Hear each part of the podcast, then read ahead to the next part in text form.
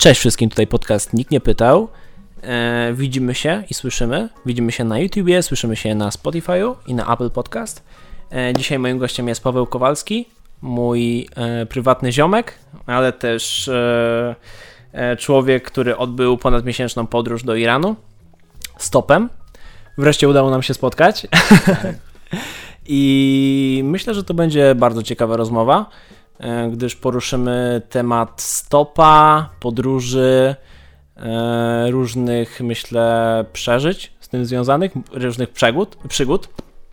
Więc e, pierwsze pytanie, dlaczego w ogóle zdecydowałeś się na taki krok, żeby stopem pojechać tak daleko?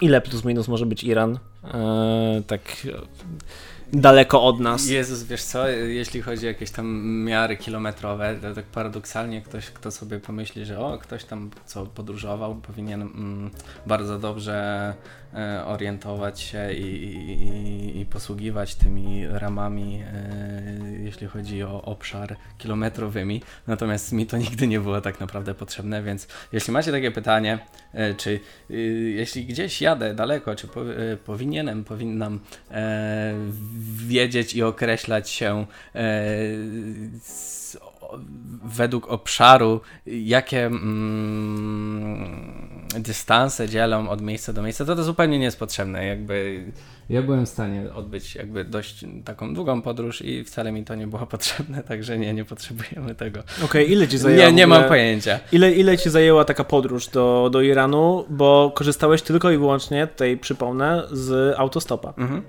Mm, taka podróż mi zajęła mm, ponad miesiąc, niecałe 6 tygodni, z tym, że mm, najpierw z Europy, z Polski poleciałem do Gruzji, natomiast y, cała podróż z jakby zwiedzaniem, gościną, rozmowami z ludźmi. Bo ja też jakoś tak bardzo nie naciskałem siebie, żeby brnąć do przodu, tak raczej starałem się Mm, wgłębić i, i trochę posiedzieć w, tych krajach i e, jakoś chłonąć to mm, miejsca, w których się znajduję, mm, no to zajęło mi właśnie to niecałe 6 tygodni i trasa wyglądała w ten sposób, że to była Gruzja, Armenia, Iran i z powrotem, z powrotem Iran, Armenia, Gruzja. E, tak. Okej. Okay. E, a jak myślisz, jeżeli prosto byś leciał do Iranu? I tutaj też drugie pytanie. Mhm. E, jak w ogóle wyglądała taka podróż? W sensie do pierwszego pytania, jeżeli leciałbyś prosto do Iranu, ile by ci to zajęło? I drugie pytanie, e, jak w ogóle wygląda taka podróż? Że, no wiadomo, stoisz na boku ulicy, E, wiadomo, czasami też w jakichś niekorzystnych warunkach. Mhm. E, prosisz o tego stopa, jak często ludzie w ogóle się zatrzymują, czy nie wiem, czy są gościnni, czy bardziej hamscy, jak to w ogóle wygląda? Też obcy język na pewno jest e, e czym, czymś e, kluczowym. Wygląda to w ten sposób, że cała przygoda, mm, jeśli chodzi o mm, kwestię komunikatywności z ludźmi, e, polegała na tym, że ja dosłownie podstawy języka rosyjskiego sobie jakoś przyswoiłem przed tym wyjazdem. E, z pierwszy stop to tak naprawdę ja stałem e, w tej Gruzji przed lotniskiem z zeszytem w ręku autentycznie. Je sobie jeszcze przypominałem przed pierwszym stopem, co ja mam powiedzieć, żeby w ogóle cokolwiek się mm, jakoś porozumieć i, i jakoś zakomunikować ludziom, co ja chcę z, od nich i gdzie chcę pojechać.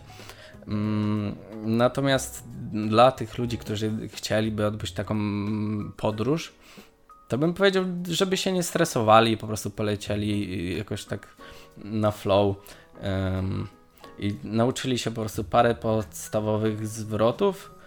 Um, to jest ciekawe, bo myślę, że niewiele ludzi by sobie pomyślało. Ja sam też o sobie nie pomyślałbym, że będę w stanie porozmawiać z ludźmi po rosyjsku. Wiadomo, że to nie jest rosyjski jakiś idealny, ale na tyle komunikatywnie po rosyjsku porozumiewać się z ludźmi w podróży, żeby odbyć mm, jakby taką podróż i e, gadać z kimś ponad godzinę w aucie po rosyjsku, o życiu, o wszystkim. Mm, tak naprawdę ucząc się wcześniej w Polsce tego rosyjskiego może 2-3 tygodnie. Mm, a to wszystko wynika z tego, że zazwyczaj te scenariusze e, rozmów, one były dość powtarzalne i dość schematyczne. Mm, i, i, I człowiek już nauczył się może nie tyle rozmawiać po rosyjsku, a um, opowiadać o sobie, opowiadać to, czego szuka i zadawać pytania, które go interesują w języku rosyjskim. I od jakby odbywając jedną, drugą, trzecią rozmowę e, z ludźmi, podróżując tym autostopem, e, nabywać płynności w tym wszystkim i dużo więcej jakby rozumieć, jakby z powtarzalności tych odpowiedzi wychwytywać coraz więcej.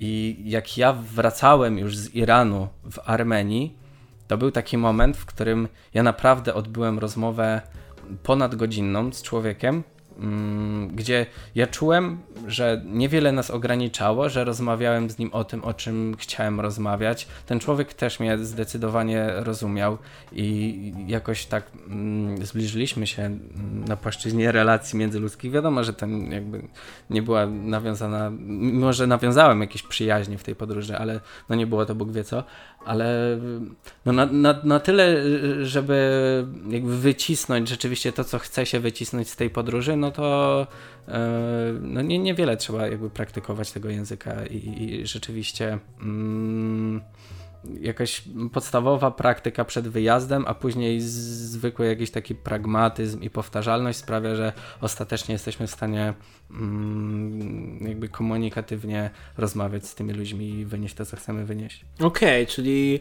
mówisz, że około dwóch tygodni przygotowywałeś się jakby pod, e, pod rosyjski, mhm. E, pod te rozmowy i mówisz, że te rozmowy były dosyć powtarzalne. Czy to się ograniczało? W Gruzji i Armenii. Gruzja z tego względu, że tam mm, e, zarówno jeden, jeden jak i drugi kraj były w sowieckim sojuzie, w którym też Polska była. E, bo generalnie na, na co dzień tam się oczywiście nie rozmawia po rosyjsku, ale mimo wszystko większość starszych ludzi jakby mówi w tym języku i, i rozumie.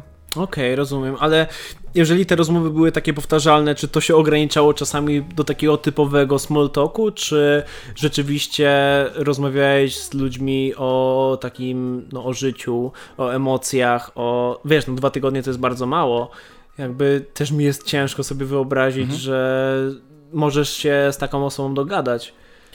Mm,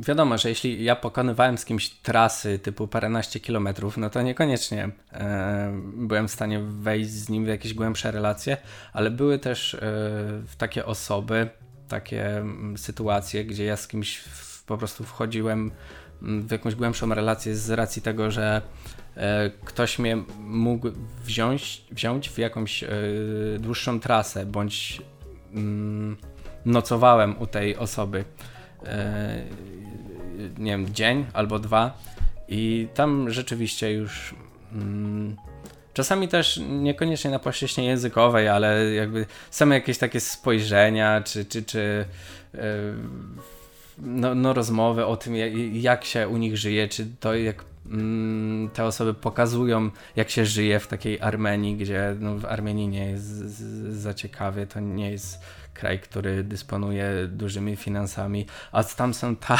tacy kochani ludzie, naprawdę. Jakby, jakbyście sobie pojechali do Armenii, to, to są ludzie, którzy dadzą wam rękę w sensie serce na ręce i, i, i, to nie tylko ja mówię i też dużo innych ludzi, którzy gdzieś tam podróżowali, myślę, że to samo po, e, powiedzą. Mm. Także to, to nie jest tylko kwestia, myślę, samych rozmów i umiejętności komunikacji, znajomości języka, gdzie to też przychodzi, ale w, no i po prostu się wchodzi na, na jakąś taką mm, ciekawą płaszczyznę, której chyba nigdy tak naprawdę w życiu nigdzie indziej nie zaznałem. mm, taka relacja na, na płaszczyźnie człowiek-człowiek, że po prostu na tyle, ile jesteście w stanie sobie wyartykułować e, to, co macie na myśli, to sobie powiecie, e, a, a reszta gdzieś jest, mm, dopowiada kontekst, myślę. Okej. Okay. A powiedz mi, pff, no rozmawiamy o tej całej podróży, ale no takie podstawowe pytanie, dlaczego akurat Iran? Dlaczego nie Tajlandia? Dlaczego nie Azja? No bo wyprawiłeś się, wyprawiłeś, e, pojechałeś e, w bardzo daleką podróż, no bądźmy szczerzy. Mhm. Mm, dlaczego Iran? Iran myślę, że dlatego, że tam wszystko jest inne. Jakby to, to, co też mnie pchało tak naprawdę do tych podróży, to była ciekawość. Natomiast jak sobie mm, poczytamy o Iranie, mm, popatrzymy na zdjęcia, mm, posłuchamy ludzi, którzy tam byli, to stwierdzimy, można dojść do wniosku, że tam jest wszystko inne. Jest inna kultura, jest inna religia, e, inne krajobrazy, inna natura.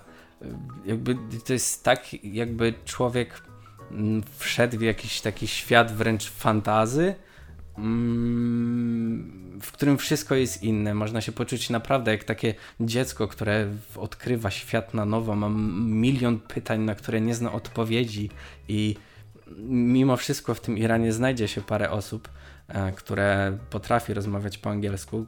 To nie jest jakoś wyjątkowo pospolita umiejętność w tamtym kraju. E, którzy ci mogą odpowiedzieć na te pytania i oni są mega życzliwi. Myślę, że do tego jeszcze dojdziemy, nie chcę zobaczyć jakoś z tematu. E, jasne, jasne. Jakby to też jest temat na zupełnie inną chyba rozmowę. E, życzliwość Persów, czyli ludzi, którzy mieszkają w Iranie. No to, tak, po prostu jakby zagłębiasz się w rzeczywistość, która jest zupełnie inna, obca i czujesz się jak właśnie dziecko, które się narodziło na nowo. Ja nie chcę to jakoś tak patetyzować, ale naprawdę się tak czułem i nie ma w tym jakby e, okay. nuty przesady. I nie wiem, do tej pory myślę, że to była jakaś taka przygoda mojego życia. A mówiłeś, że e, ludzie, z którymi podróżowałeś, z którymi jechałeś e, jakiś tam e, ileś tam kilometrów. Niektórzy oferowali ci e, nocleg mhm. na jeden, może dwa dni. Mm, czy to się w ogóle często zdarza, czy mm, jak to w ogóle wygląda? Jeśli chodzi o tę trasę Gruzja, Armenia, Iran, ja też robiąc e, research do mm, tej całej wyprawy, ja zdawałem sobie sprawę z tego, że e, będę podróżował po krajach, w których gościnność jest yy, powszechna i mm, te kraje pod tym względem są wyjątkowe. Nie, nie, nie chcę mówić, że teraz jak założycie sobie plecak na plecy i no teraz, gdzieś... to, teraz to będzie ciężko, no bo jest pandemia, tak? I y, mówimy bardziej o bardziej pozy pozytywnych czasach, gdzie nie ma już pandemii nie, i możecie się wybrać na, na mimo stopa. wszystko jest coraz lepiej i myślę, że też się mimo wszystko w tych nawet Oczywiście, bądźmy dobrej myśli. średnich czasach da się odbyć e, ciekawe podróże. E, no, no to w, y, zarówno Gruzja, jak i Armenia, jak i Iran e, są niesamowicie mm, gościnnymi mm, krajami. To, co mnie urzekło w e, Gruzji i Armenii, to jest to, że jak żyjemy w Europie, czy to, mm, no nie wiem, porównanie raczej do, do, do Europy, czy, nie wiem, czuję się jako Europejczyk, jako część Europy, to my jesteśmy tacy bardzo zamknięci na nasz świat, że mamy swoje interesy. E, I każdy gdzieś, jak spojrzymy na ludzi, gdzieś gdzieś idzie, mm, ma, ma jakieś swoje cele, swoje plany. Natomiast tam można odkryć coś takiego, że rzeczywistość niekoniecznie musi wyglądać w ten sposób i po prostu sobie idziesz. Wiadomo, że ten plecak e, robi też swoje, ale ktoś po prostu do ciebie zagaduje e, o nic i wchodzicie w jakiś taki small talk i jest w tym jakaś taka niesamowita życzliwość, e, uśmiech.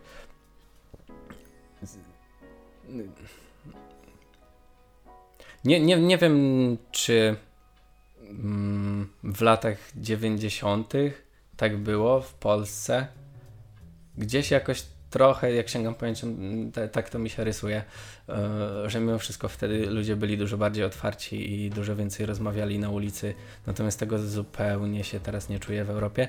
No to to na pewno można spotkać w Gruzji i Armenii, nie? że po prostu sobie idziesz jakby ulicą i ktoś z serdecznością, z uśmiechem na ustach, znikąd po prostu do ciebie podchodzi i zagaduje, i sobie rozmawiacie o, o życiu, o wszystkim.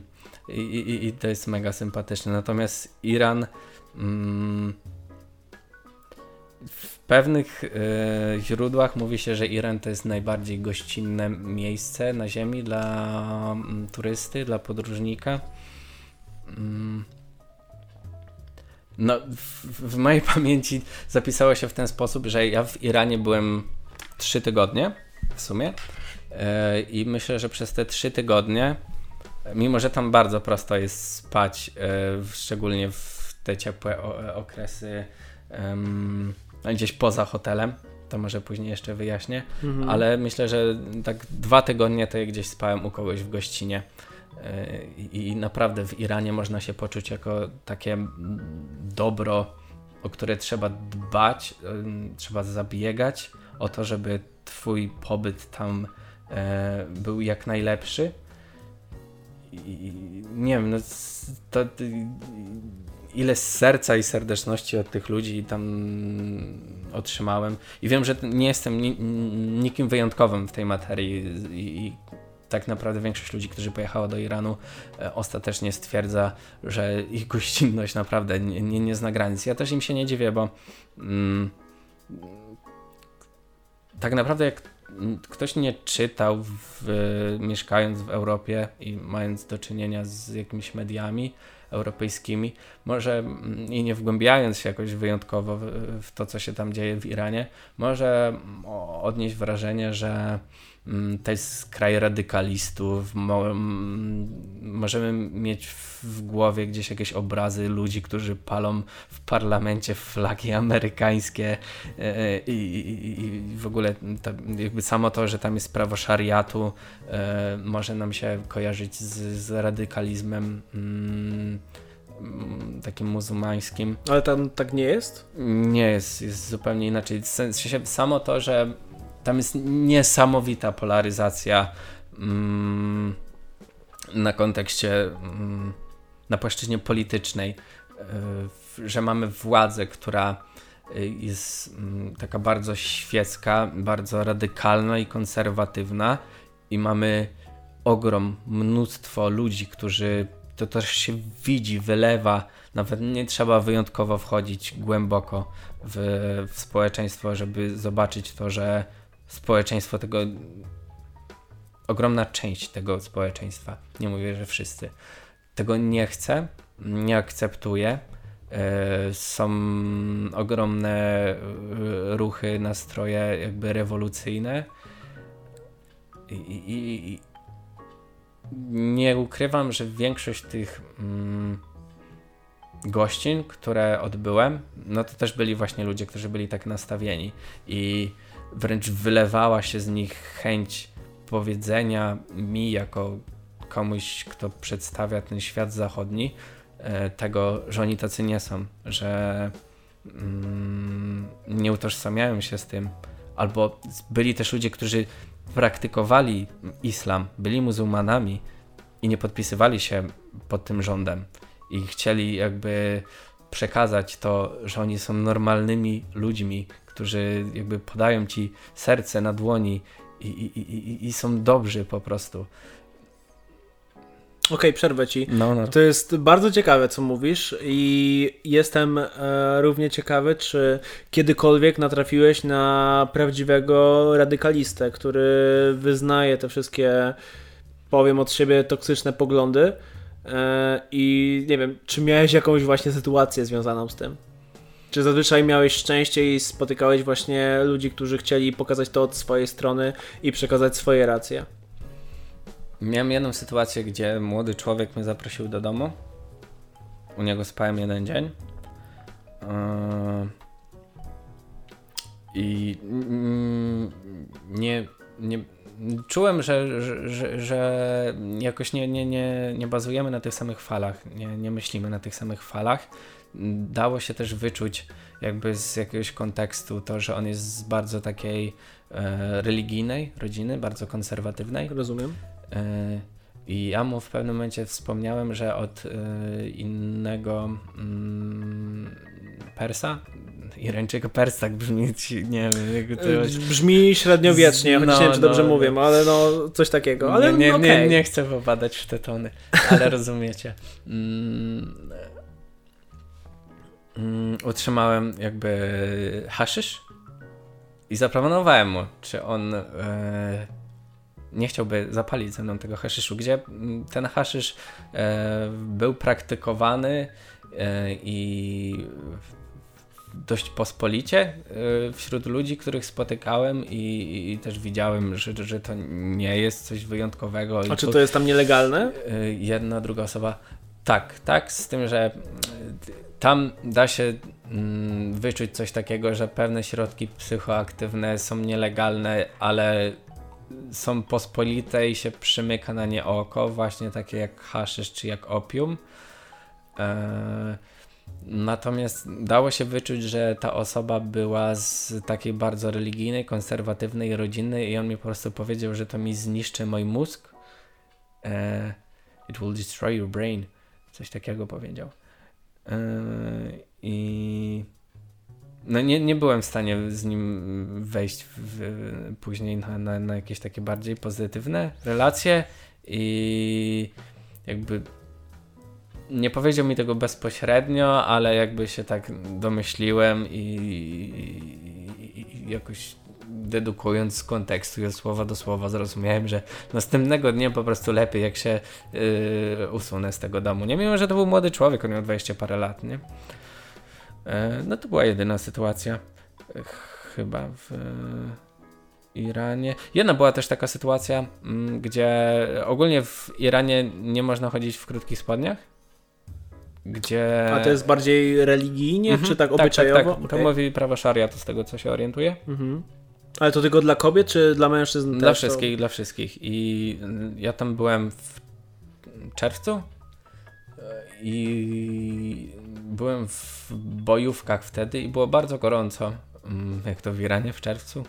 Tam w ogóle pod, y, pod... przerwę ci, jakie w ogóle tam temperatury panują w, w takich miesiącach jak tam W tamtym okresie no to jakoś po 40 stopni później jest o, jeszcze gorzej. Kurczę. Ale tam też jakby mm, mają zimę i jest w stanie się tam pojawić śnieg, więc mm, okay. bo ludzie też sobie wyobrażają, że o Iran pustynie, tam są pustynie oczywiście, mhm. ale no mimo wszystko wiesz, są też całkiem mroźne zimy, gdzie ludzie się ubierają w, w zimowe kurtki, chodzą w czapkach i pokazuje się śnieg, więc okej. Okay no nie, nie, nie wygląda to tak, jak większość ludzi chyba e, myśli. No i jedna osoba po prostu mi, mnie upomniała w momencie, w którym ja po prostu sobie mm, chodziłem w podwiniętych nogawkach, yy, w tych bojówkach. Jedna osoba mnie upomniała, żebym jakby spuścił te nogawki. I, co, co ja sobie myślę? Czy, nie, nie, nie wiem. Co, y, nie, już nie pamiętam, co on mi powiedział, jak mi to dał do, do zrozumienia, że powinienem jakby opuścić. Ale to też jest taki epizod, nie? Przypominam, że tam Ale w jakiej to było sytuacji i w jakim języku w ogóle do ciebie powiedział i kto Wiesz to był? Co, nie pamiętam w jakim to było języku, wydaje, na pewno nie w angielskim, mm, więc pewnie w języku farsi. E, to był jakiś mężczyzna, który w, pracował w... Mm, jakimś zakładzie, który służył y, wymianie opon bodajże lub coś w tym stylu. No i po prostu przechodziłem w podwiniętych nogawkach i on mi dał jakoś... Y, dał ci do zrozumienia, do zrozumienia tak? Pokazać że, że nie, nie powinienem tak, tak chodzić. Rozumiem, rozumiem. No ale okej, okay, no. Mm, gościnność, e, trafiłeś na jakiś tam e, przejaw konserwatyzmu, mm, ale chciałbym też wspomnieć o tym, że Paweł e, poruszał się po Iranie i po jakby całym swoim, że tak powiem, autostopie sam, bez, bez nikogo. I nie wiem, no tak samo na początku tego podcastu powiedziałeś, że e, żeby wyzbyć się całkowicie stresu, e, no, dla mnie to jest takie uff, no, no dziwne, bo jeżeli jeszcze byłbym w grupie, to okej, okay, ale wybrałeś się tam sam i dlaczego? Jakby nie miałeś drugiej osoby, z którą, czy w ogóle chciałeś e, przebyć tą podróż sam?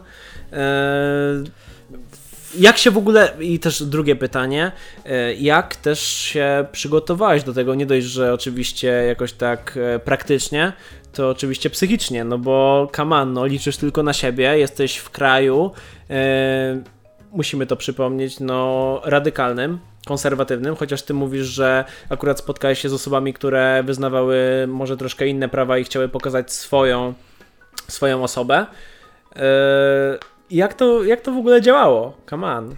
Mm, ja nigdy nie zdobyłem się tak naprawdę na radykalny krok w postaci mm, wzięcia plecaka i wyjechania gdzieś daleko, bo mm, jeśli chodzi o jakieś takie przebywanie w terenie, spanie gdzieś po lasach, wzięcie gdzieś plecaka i e, przebycie jakiegoś dystansu tylko z tym plecakiem za jakieś małe pieniądze, śpiąc gdzieś w namiocie, czy nawet nie w namiocie, to mm, nigdy nie miałem z tym problemów, bo ja swoją pewność budowałem w tym zakresie tak naprawdę od początku gimnazjum e, ja odbyłem dwa e, obozy survivalowe e, w wieku gimnazjalnym dwutygodniowe, okay. gdzie tam właśnie spaliśmy po lasach i były różne jakieś takie gry terenowe, także można powiedzieć, że jakby odbyłem, nie wiem, jakieś takie harcerstwo, tylko nie, nie, nie, nie byłem w harcerstwie. Skondensowane harcerstwo, tak? Powiem Ci już tak prywatnie, że też byłem na takich obozach survivalowych hmm. i też mnie troszkę nauczyły. Pamiętam jak już tak prywatnie powiem, że kiedyś Cię zdziwiłem, że wiedziałem na przykład, oczywiście to jest taka była hostka oczywiście, że na przykład wiedziałem, e, że kora brzozy nadaje się do rozpalenia ogniska tak, e, tak. w lesie e, przy nawet minusowych temperaturach. Mm, no i to też mnie tak nauczyło. tak tylko się wtrącę, możesz kontynuować. Nie, nie, no tak, tak, to prawda. W sensie ogólnie jest tak, to jest świetne uczucie, kiedy mm, bo, wydaje mi się teraz to takie dość naturalne, ale mm, mimo wszystko wydaje mi się, że to nie jest takie powszechne i, i oczywiste i to jest super uczucie, które nieko, niekoniecznie wszystkim towarzyszy, to że mm, tak naprawdę nieważnie gdzie jesteś, to zawsze sobie znajdziesz ten swój domek i jakoś sobie tam poradzisz, nie? Jakby gdzieś się cię wyrzucą. No, nie wiem, różne rzeczy się w życiu dzieją, nie? Ale gdzieś zostaniesz porzucony w lesie, w miejscu, w którym nikogo nie znasz, nikogo nie masz, nie wiem, nie, nie, nie masz łączności z internetem, no to jakoś tam spędzisz tą noc, rozpalić sobie ognisko i będzie w miarę komfortowa. No, ale mniejsza e, z tym, e, jakby wyszedłem od tego, że mm, no właśnie ja nie zaczynałem od początku, tylko że kroczek po kroczku jakoś posuwałem się naprzód. E, jeszcze przed tym mm, całą podróżą e, byłem mnóstwo mniejszych lub większych podróży, czy to po Polsce, czy też gdzieś tam wyjechaliśmy sobie z chłopakami e, stopem na Skandynawię. Mm, tam też na, na, nabyłem pewności i, a co było pierwsze? Iran czy, czy właśnie Skandynawia? Nie, Gdzie dokładnie nie, do Norwegii, tak? To była Norwegia? Tak, tak, tak. No, e, e, dwie podróże. Mm, takie dwu, Jedna dwutygodniowa, druga trzytygodniowa. Mhm. E, była w, w Norwegii i, i tam też jakby upewniłem się w tym, że jakby, no bo tak naprawdę ja to robiłem po liceum, nie? Więc byłem młodym jakby chłopakiem, który po prostu w, dopiero się przekonywał o tym, że jest mm, samodzielnym człowiekiem, który sobie poradzi i może gdzieś Y, wyjechać daleko bez rodziców, bez czy tam przyjaciół, e, bez e, żadnej, żadnego wsparcia, żadnego takiego backgroundu, że o jakby coś się stało, to w razie czego to mam kogoś tam. I, i no po prostu kroczek po kroczku posuwałem się do przodu, przekon przekonując się coraz bardziej o swojej kompetencji, swojej samodzielności e, w jakichś takich warunkach powiedzmy skromnej, skromnego życia, skromnego budżetu że tak naprawdę niewiele potrzeba w tych całych podróżach poza jakby entuzjazmem, jakąś tam odwagą, zdrowym rozsądkiem, e, no i jakąś tam garstką, mm, nie myślę, że można to nazwać przykazaniami, e, których trzeba przestrzegać, żeby jakby odbyć zdrowo e, tą podróż, tak, tak, tak, żeby ci się nic nie stało, żeby było ok. Mm. Możesz mi przypomnieć, mm, od czego wyszliśmy? Bo wyszliśmy od tego, że jak to się stało, że w ogóle się mm, do, doszedłem do tego momentu, że, że, dlaczego się w ogóle wybrałem w tą podróż. Yy wiesz co, moje ostatnie pytanie było yy, na temat tego, że musiałem sobie sam przypomnieć, yy, jak wy na podcaście. No wiadomo, w ogóle musimy tutaj yy, napomknąć, że już jesteśmy po paru szklaneczkach whisky i troszeczkę ze sobą już tak, rozmawiamy. Tak, tak, no stare spotkanie starych znajomych. W sumie to może nie po latach, bo spotkaliśmy się może na minutkę, dwie bo bodajże pożyczałem od ciebie sprzęt jakiś fotograficzny. Tak, tak. A w sumie to jest takie dłuższe spotkanie, po, no to już możemy powiedzieć po, po latach, może po roku. A mogę też e, poruszyć, przepraszam, że ci przerwę. E, jakby jaką wartością jest, kiedy jakby w młodym wieku Aha. pojedzie się gdzieś, gdzie ja już teraz po paru latach, jakby minęło od tego 3 lata, tak? Mam 24, jak pojechałem miałem 21. Widzę wartość tego, e, tych zdjęć, które zrobiłem z tej podróży.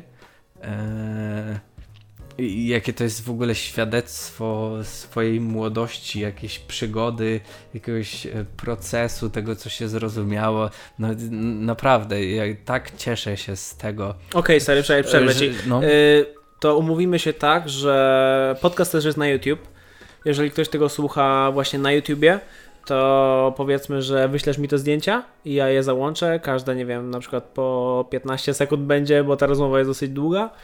Yy, I będą one załączone po prostu spoko, do, spoko. do tego filmiku, myślę, będą one załączone. I widziałem też te zdjęcia i są naprawdę, naprawdę jakościowe.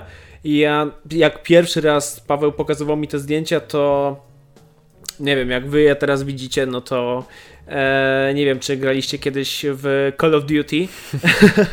Modern Warfare e, 1. E, tam właśnie nie wiem, nie wiem dokładnie jakie to jest państwo, grałem, to grałem w to naprawdę bardzo dawno, ale naprawdę nie wiem, nasuwa mi się myśleć, że to jest naprawdę Iran. E, i te zdjęcia, które Paweł zrobił, bardzo przypominają mi screeny właśnie z gameplayu tej gry gdzie no naprawdę gierka też jest bardzo spoko, tak więc... No tak ja więc... też się trochę tak tam czułem, wiesz, że, że, jedziesz mm, stopem z, z jakimiś chłopami, dookoła masz pustynię, i leci z radia jakaś muzyka, która jest dla ciebie totalnie obca i... Tak, jeszcze jedziesz w oldschoolowym aucie, nie? Takim tak, bardzo... jakieś ładzie. No, no, no. No takiej, nie wiem, gdzie, że to jeszcze działa i że to jeszcze jeździ, Tak, takie stare już w ogóle sparciałe fotele skórzane, albo nie wiem, no nie wiem jak, jak u ciebie było, nie? Ale no przynajmniej tak, tak było w tej tak, grze.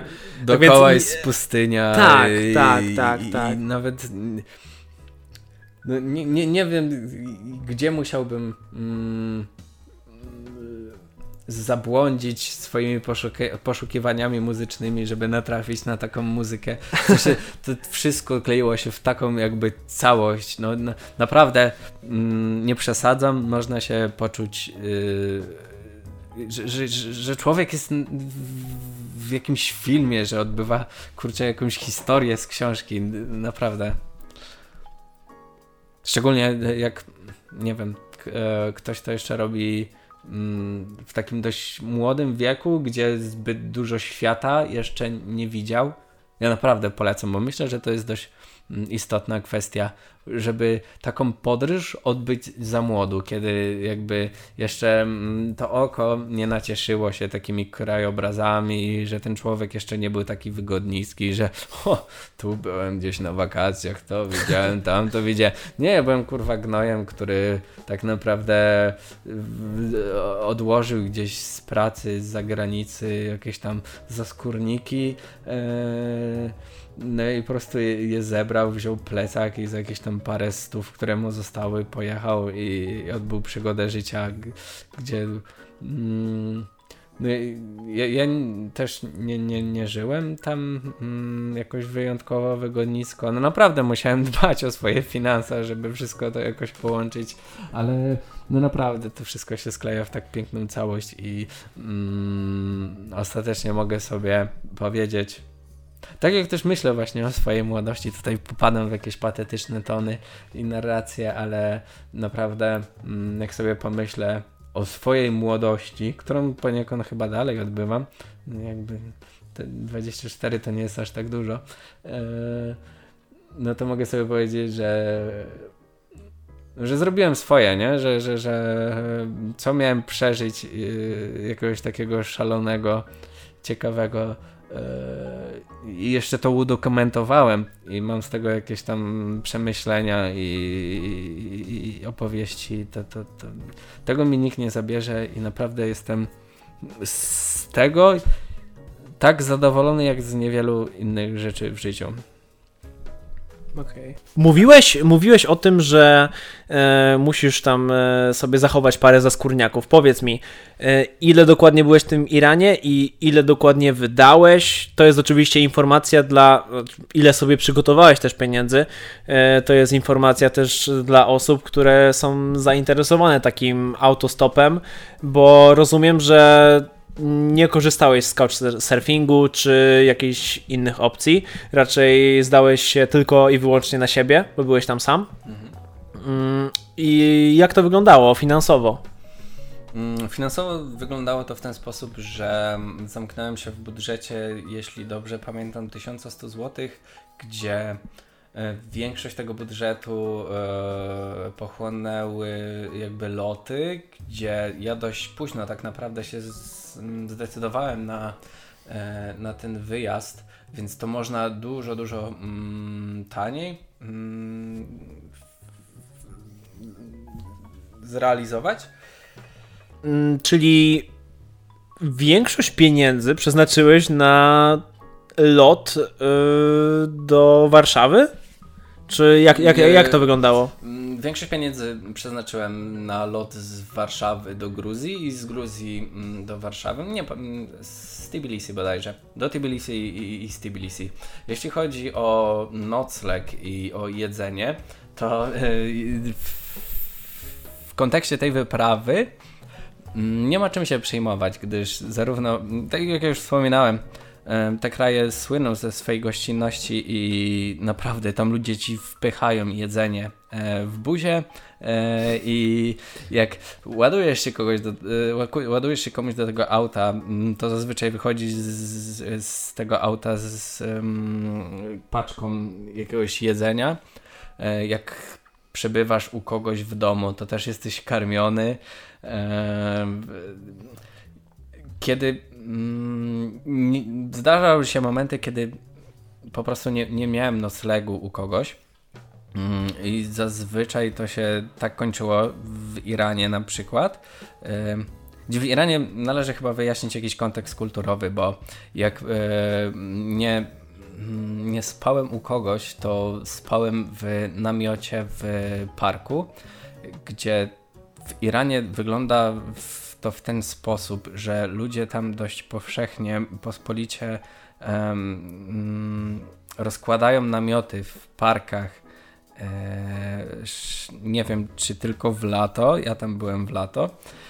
jest taka piknikowa atmosfera, gdzie ludzie palą szisze, grają w siatkówkę, gdzieś jakoś y, spotykają się rodzinami, jedzą ciasta, ludzie do ciebie podchodzą, częstują cię właśnie y, herbatą, karmią cię i a to są młodsi ludzie, czy starsi, czy to nie ma A różnicy? starsi, młodsi, to nie ma różnicy. Jakby, jeśli tylko mm, figurujesz w ich oczach jako ktoś, właśnie jak taki podróżnik z plecakiem gdzieś yy, z zachodniego świata, e, no to właśnie ci ludzie wręcz wokół ciebie, nie, to tak brzmi mm, źle, ale tak jest biegają wokół ciebie i, i starają spra się sprawić, że, żeby ten twój, ta twoja podróż, e, twój pobyt w ich kraju był jak najlepszy.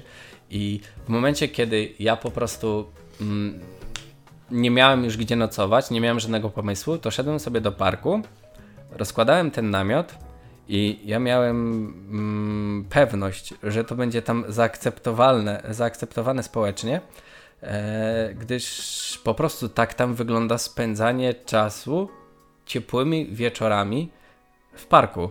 E, po prostu ludzie rozkładają się też, i to nie tylko ja, ludzie, którzy tam mieszkają, żyją, również rozkładają te namioty e, i sobie najzwyczajniej piknikują, spotykają się z rodziną, rozmawiają i, i nie czujesz się w żaden sposób inwazyjnie e, w ich świecie, w ich kulturze. E, po prostu jesteś osobą, która robi to, co oni, e, z tym, że ludzie, którzy są bliżej ciebie, mm, raczej spostrzegają to, że ty nie jesteś z ich świata i jakby podchodzą do ciebie starają się jakoś zagaić. Jeśli nie potrafią mówić po angielsku, to po prostu oferują ci herbatę albo cię częstują ciastem i no, no, najzwyczajniej czujesz się jakby częścią tego społeczeństwa. Więc w Iranie, mm, jeśli nie mamy mm, żadnej sposobności do tego, żeby odbyć y, noc normalnych warunkach, gdzieś w domu, to po prostu idziemy do parku, rozkładamy się i możemy mieć pewność, że, że to będzie zaakceptowane, że możemy się czuć bezpiecznie i że w żaden sposób jakoś mm, nieinwazyjnie stajemy się częścią tej społeczności gdzie przypominam, że w Iranie byłem 3 tygodnie, jakieś dwa tygodnie w sumie to spałem u kogoś, a jak nie miałem gdzie spać, to po prostu szedłem do, do parku, rozstawiałem sobie namiot i, i w tych parkach spotykałem się z równie dużą mm, gościnnością i życzliwością, jak w domach tych ludzi, którzy mnie zaprosili. Wow, okej. Okay. A powiedz mi po pierwsze, czy takie spanie w namiocie w parku jest e, legalne? Po pierwsze. Po drugie, czy zapoznałeś tam jakieś osoby, z którymi. No bo nie wiem, no mi na przykład kojarzy się tak, że e, w parku zazwyczaj są takie no, mini imprezki, mhm. że zazwyczaj w Polsce jak idziesz do parku, no to idziesz na jakiegoś kolokwialnie browara napić się ze znajomymi, możesz poznać też inne osoby. Jak to w ogóle tam wygląda? Nie wiem, czy na przykład tam są jakieś ogniska, czy, czy jest tam jakiś alkohol, jak to wygląda? Bo mówiłeś, że e, jest to i środowisko młodsze, i właśnie takie starsze, rodzinne. Jak to dokładnie wygląda? Mm. Jeśli chodzi o alkohol, to mm, tak jak wspominałem, w Iranie jest prawo szariatu, więc ten alkohol E, powszechnie spożywany, tak otwarcie jest zabroniony, natomiast e, ludzie, mm, którzy tam żyją, tak naprawdę piją alkohol i on jest dość powszechny, e, z tym, że on jest spożywany na przykład wewnątrz tych namiotów, albo dopiero jak ktoś cię zaprosi. Miałem też mm, przygodę, że piłem ten alkohol E, na, na pustyni gdzieś z ludźmi, którzy, u których e, mieszkałem. Natomiast e, jeśli chodzi o samą atmosferę i, i wyobrażenie sobie tego, jak wygląda mm, takie przesiadywanie w irańskiej społeczności, kulturze, w parkach, mm, no to wygląda to w ten sposób, że ludzie tak jak ja, czy tak jak mm, wy, jeśli chcielibyście odbyć taką podróż. Rozstawiacie się e, tym namiotem e, w parku i widzicie dookoła siebie mnóstwo ludzi. I to są rodziny. Te rodziny są uśmiechnięte, piękne, pełne radości, palą sobie szisze, właśnie przynoszą mm, jakieś z domu mm, przeróżne y, rzeczy y, zrobione w kuchni, typu właśnie jakieś ciasta, jakieś potrawy, y, piją herbatę, która herbata jest mm, chyba takim jednym z, z flagowych y, rzeczy w, w Iranie. Y, no i jest niesamowicie serdecznie, niesamowicie rodzinnie. Ludzie grają w siatkówkę. Siatkówka yy, tam. Nie... To jest taki czołowy sport tam, tak, tak? W Iranie? No, z tego co mm, z moich obserwacji, to tak, jest najbardziej powszechny i, i tam w siatkówkę nie gra się od, mm, na zasadzie ze połowej gry, że jest rozstawiona siatka i teraz rywalizujemy, tylko po prostu jakby ludzie sobie e, zbierają się w okrąg i sobie odbijają, mm, bawią się dobrze, czasami sobie robią przerwy, e, rozmawiają i, i na, naprawdę tak rodzinnej, e, ciepłej atmosfery. W, ja, ja, chyba nie widziałem żadnych innych okolicznościach. Ja Staram się stronić od tego, żeby tutaj nie wyolbrzymiać e, pewnych zjawisk i nie brzmieć jako osoba, która gdzieś tam pojechała, zobaczyła co innego, coś innego niż w Polsce i teraz e, rysować jakby słuchaczom to, że e, o Jezu, jak tam jest wspaniale, ale autentycznie to nic, nic z tego, co ja mówię, nie jest przerysowanego. No to trzeba to, to, jest, jest, to jest powszechne to jest zjawisko. szok, no nie, że tak się mówi. W, w, no, wydaje mi się, że w Polsce raczej ciężko jest zaznać czegoś takiego, że ludzie E, spotykają się rodzinami w parku, nocują w tym parku, rozkładają namioty, właśnie sobie piją herbatkę, rozmawiają.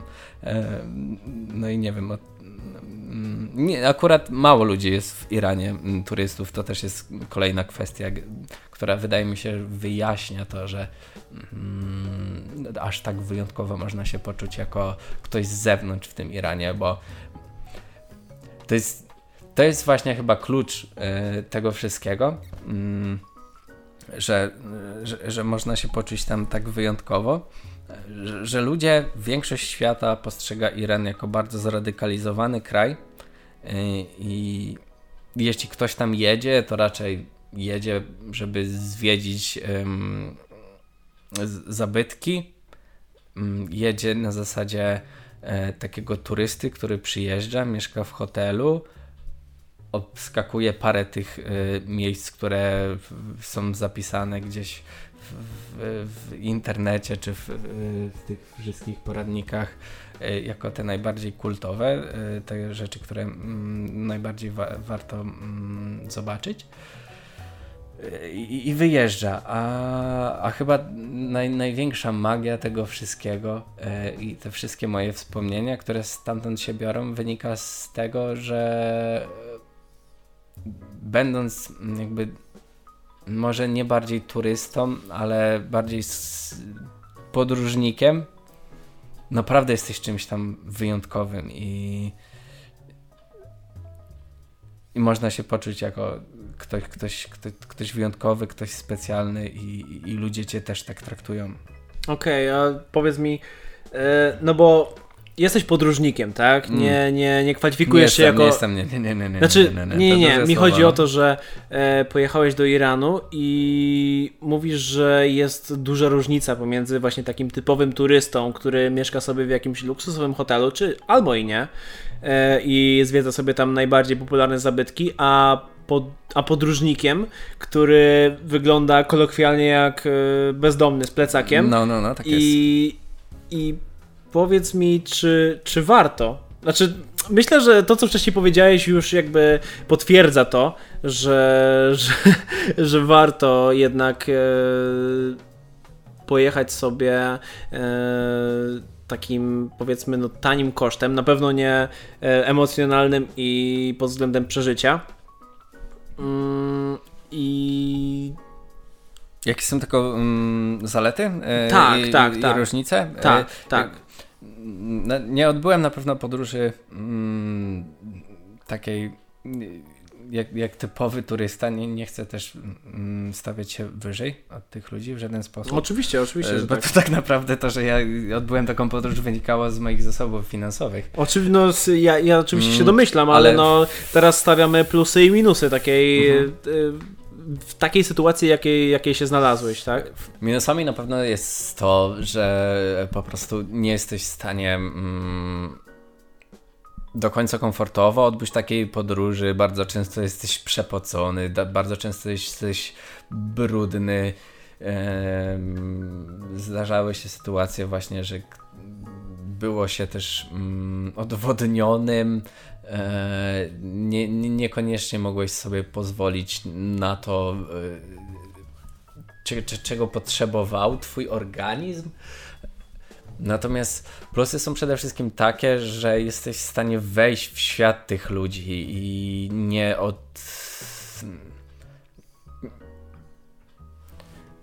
Nie, nie odbierasz tego, jak przedstawiają swoją kulturę e, ci ludzie, tylko wchodzisz wewnątrz niej.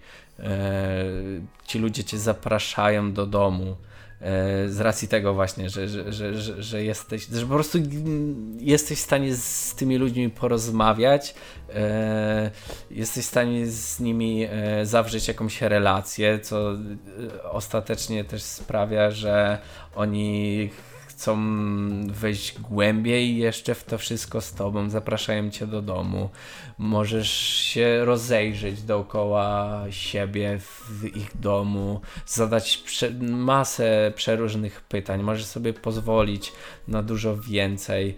Mm, i, I to nie jest taka książkowa też wiedza, którą ci przedstawią mm, ludzie, którzy cię oprowadzają po jakichś e, monumentach, po, po mm, kultowych miejscach e, ich historii e, czy też kultury. Masz do czynienia z żywymi ludźmi i. Okej. Okay. W sensie masz doświadczenie z prawdziwymi ludźmi, e, a nie z przewodnikami, którzy mówią ci tak, jak e, powinno być powiedziane. Tylko masz przedstawione tak naprawdę prawdziwe życie.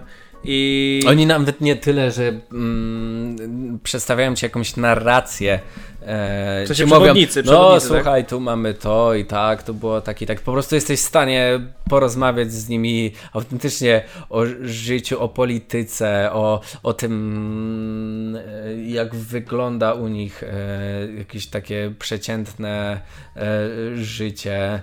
W, z jakimi problemami się borykają, z jakimiś nawet ich dramatami.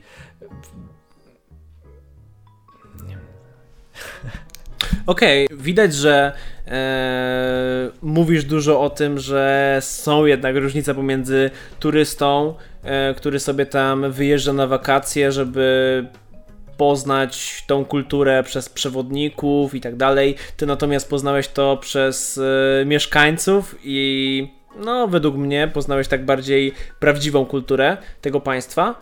Czy jakkolwiek zmieniło to postrzeganie świata dla ciebie? No bo bądźmy szczerzy, jednak y, na samym początku też wspominałeś, że to jest całkowicie inny świat. No, różni się to bardzo od naszej Europy. E, Europy Środkowej, no mhm. bo tak jesteśmy no, zlokalizowani. Mm, nie wiem, czy zmieniło to, czy ta podróż zmieniła jakoś twoje życie?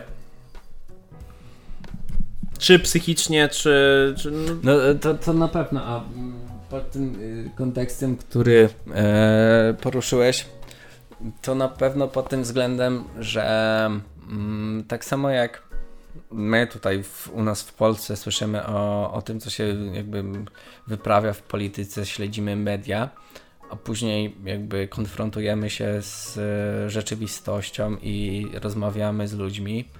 E, na, na pewno to dało mi obraz tego, że media e, są tylko pewnego rodzaju narracją, jakąś opowieścią, z, też bardzo często z góry prowadzoną w kierunku jakiegoś e, jakiegoś celu i jakiegoś mm, jakiegoś wniosku. Natomiast jak spotkasz się z tymi ludźmi, to w sensie jak, jak przebywasz z ludźmi i rozmawiasz z nimi, to masz e, takie rozsypane puzelki, z których po prostu składasz sobie tą rzeczywistość, która ona się wydaje bardzo, mm, ta, ta, ta rzeczywistość wydaje się bardzo enigmatyczna, e, taka bardziej żywa i pełna mm, jakichś e, poznawczych konfliktów i, i, i, wracasz też z takiej podróży troszeczkę z, z uczuciem, że odkryłeś część tej rzeczywistości, ale też nie jesteś w stanie powiedzieć yy, jednoznacznie, że no, ludzie w Iranie myślą w ten i w ten i w ten i sposób. Yy, tylko dostajesz jakąś taką dziwną mozaikę, jakieś właśnie rozsypane puzelki, z których tylko możesz domniemywać, możesz sobie je składać, stawiać hipotezy, natomiast mm, na pewno zdajesz sobie sprawę, że rzeczywistość jest e, składową e, wielu czynników i, i, i, ciężko jej jakoś połączyć w jedną narrację, narrację której, której można być pewien. Jesteś tylko świadectwem tego, co e, opowiedzą ci ludzie, świadectwem tego, e, jakichś sytuacji, których przeżyłeś i, i no, ostatecznie wracając z takiej podróży e, no, oddajesz tylko namiastkę mm, tego, co, co przeżyłeś, jakich ludzi poznałeś i, i co usłyszałeś. I, i to, co. Mm, to jest wszystko wypadkową tego, tak naprawdę, co cię spotkało po drodze. I nigdy nie, nie, nie możesz mm, popadać w jakąś pewność tego, że tak i tak jest, bo jesteś tylko częścią jakiejś historii, które zarysowało życie w tym kraju. Okej, okay, czyli e, tak podsumowując, no to wszystko zależy tylko i wyłącznie od osoby i ich przeżyć, e, co będą myśleć o danym państwie, tak? Bo nie będziemy tylko e, myśleć o Iranie, ale też na pewno o innych państwach, gdzie mhm. ktoś no, się wybierze na stopa. Więc ty jak byś oceniał pozytywnie, negatywnie e, tą całą wyprawę? No pewnie, że po pozytywnie. E, myślę, że nieraz o tym e, już wspominałem, ale no, jak, jakbym miał to jakoś spuentować, nie wiem, tak bardziej w uniesiony sposób, to jest wracając z takiej podróży, jesteśmy tylko częścią tej historii, częścią mm, zasłyszanych historii, częścią historii, która mm, bazuje na narracji e, jakichś e, paru osób, które się spotkało, częścią spotkań, częścią właśnie jakichś emocji, uśmiechów, obserwacji. Nigdy mm, i te, te, tego też myślę trzeba się wystrzegać, żeby wracając z takich podróży, szczególnie krótkich, wystrzegać się tego, żeby e, mówić później, że no w tym kraju to jest taki, taki, taki, tak. Mm, tylko stawiać to wszystko w, pod znakiem zapytania i mimo wszystko skromnie mm, dawać świadectwo tego, co się widziało, tego, co się wywnioskowało i podkreślać, że to jest tylko jakby synteza yy, własnych doświadczeń i tyle. Okej. Okay. Powiem Ci, że to było bardzo mądre, co powiedziałeś. E, ale już tak podsumowując, bo czas nam się kończy, a musimy jeszcze poruszyć najważniejszy temat, taki też, który mnie bardzo interesuje. Mm, jak przygotować się e, do właśnie takiego, do takiej podróży w stylu weź ze sobą parę złotych, poznaj różne kultury i bezpiecznie wróć. Jak, jak to robiłeś? Ile się przygotowywałeś i w jaki sposób dokładnie? Mm. Myślę, że najłatwiejszą chyba stroną tego wszystkiego jest yy, przygotowanie takie taktyczne na zasadzie miej pieniądze, miej wizę, yy, wiedz yy, gdzie pojechać, miej plan na to wszystko. To są takie bardzo pragmatyczne mm, rzeczy ale ja wychodzę z założenia, że jak człowiek znajdzie się w sytuacji, w której musi sobie poradzić, to i tak sobie poradzi. Mm. A największa robota to jest w Twojej głowie. I, i tu chodzi o mm, jakąś taką determinację i pewność siebie, że co by się nie stało, to, to sobie poradzę tak naprawdę, jak mam być szczery, no to mm, najważniejsze to jest to, żeby podjąć krok, że robię to i żeby być tego pewien. To jest chyba najtrudniejsze. Najtrudniejsze jest jakby wzięcie tego plecaka i, i, nie wiem, wyle, wylecenie, czy, czy po prostu mm, złapanie pierwszego stopa w kierunku, docelowym kierunku. A dalej to już mm, myślę, że jakby taki instynkt przetrwania ludzki robi całą robotę. Po prostu jakby radzisz sobie, bo po prostu musisz sobie poradzić. Mm, a najważniejsza, e, naj, najtrudniejsza mm, robota to jest w Twojej głowie, żeby, żeby być po prostu tego pewien, że chce się to zrobić i, i, i żeby to, to zrobić, podjąć ten pierwszy krok. Okej, okay, widać, że rozmawiamy tutaj z kompletnym hardkorowcem. E, który tylko i wyłącznie widać nastawia się psychicznie do tego, ale no wziąć plecak i jak będzie to będzie. Nie, bo, mm, bo mm, ja też mam o tyle jakby perspektywę mm, specyficzną, że ja się tym interesowałem e, i poniekąd praktykowałem to od dość młodych lat, więc rzeczy, które dla mnie są oczywiste, dla innych mogą nie być do końca oczywiste. E, no ja mógłbym tutaj wymieniać jakiś tam ekwipunek yy, czy coś, ale no, myślę, że są rzeczy, które można po prostu znaleźć w internecie. E, a, a ta rozmowa będzie jako dodatek po prostu. Nie, no ja raczej yy, chyba wolę się widzieć w, w roli kogoś, kto przedstawi to, jak to może być, jakie zmiany w umyśle mogą zajść w człowieku, który odbędzie taką podróżę, taką podróż. E, jak, jak, jak się do tego mentalnie przygotować. E. Okej, okay, okej. Okay. Tak więc e, kończąc już, bo widzę, że Paweł zaczyna ściągać skarpetki, więc myślę, że to już jest yy, czas na koniec tego podcastu, bo zaraz wszyscy zaśniemy. Po tej długiej podróży do Iranu myślę, że te skarpety już będą tutaj stać. e, dzięki wielkie za przesłuchanie. Jeżeli tego przesłuchałeś, to e, strasznie Ci dziękujemy. Wow, to była długa rozmowa.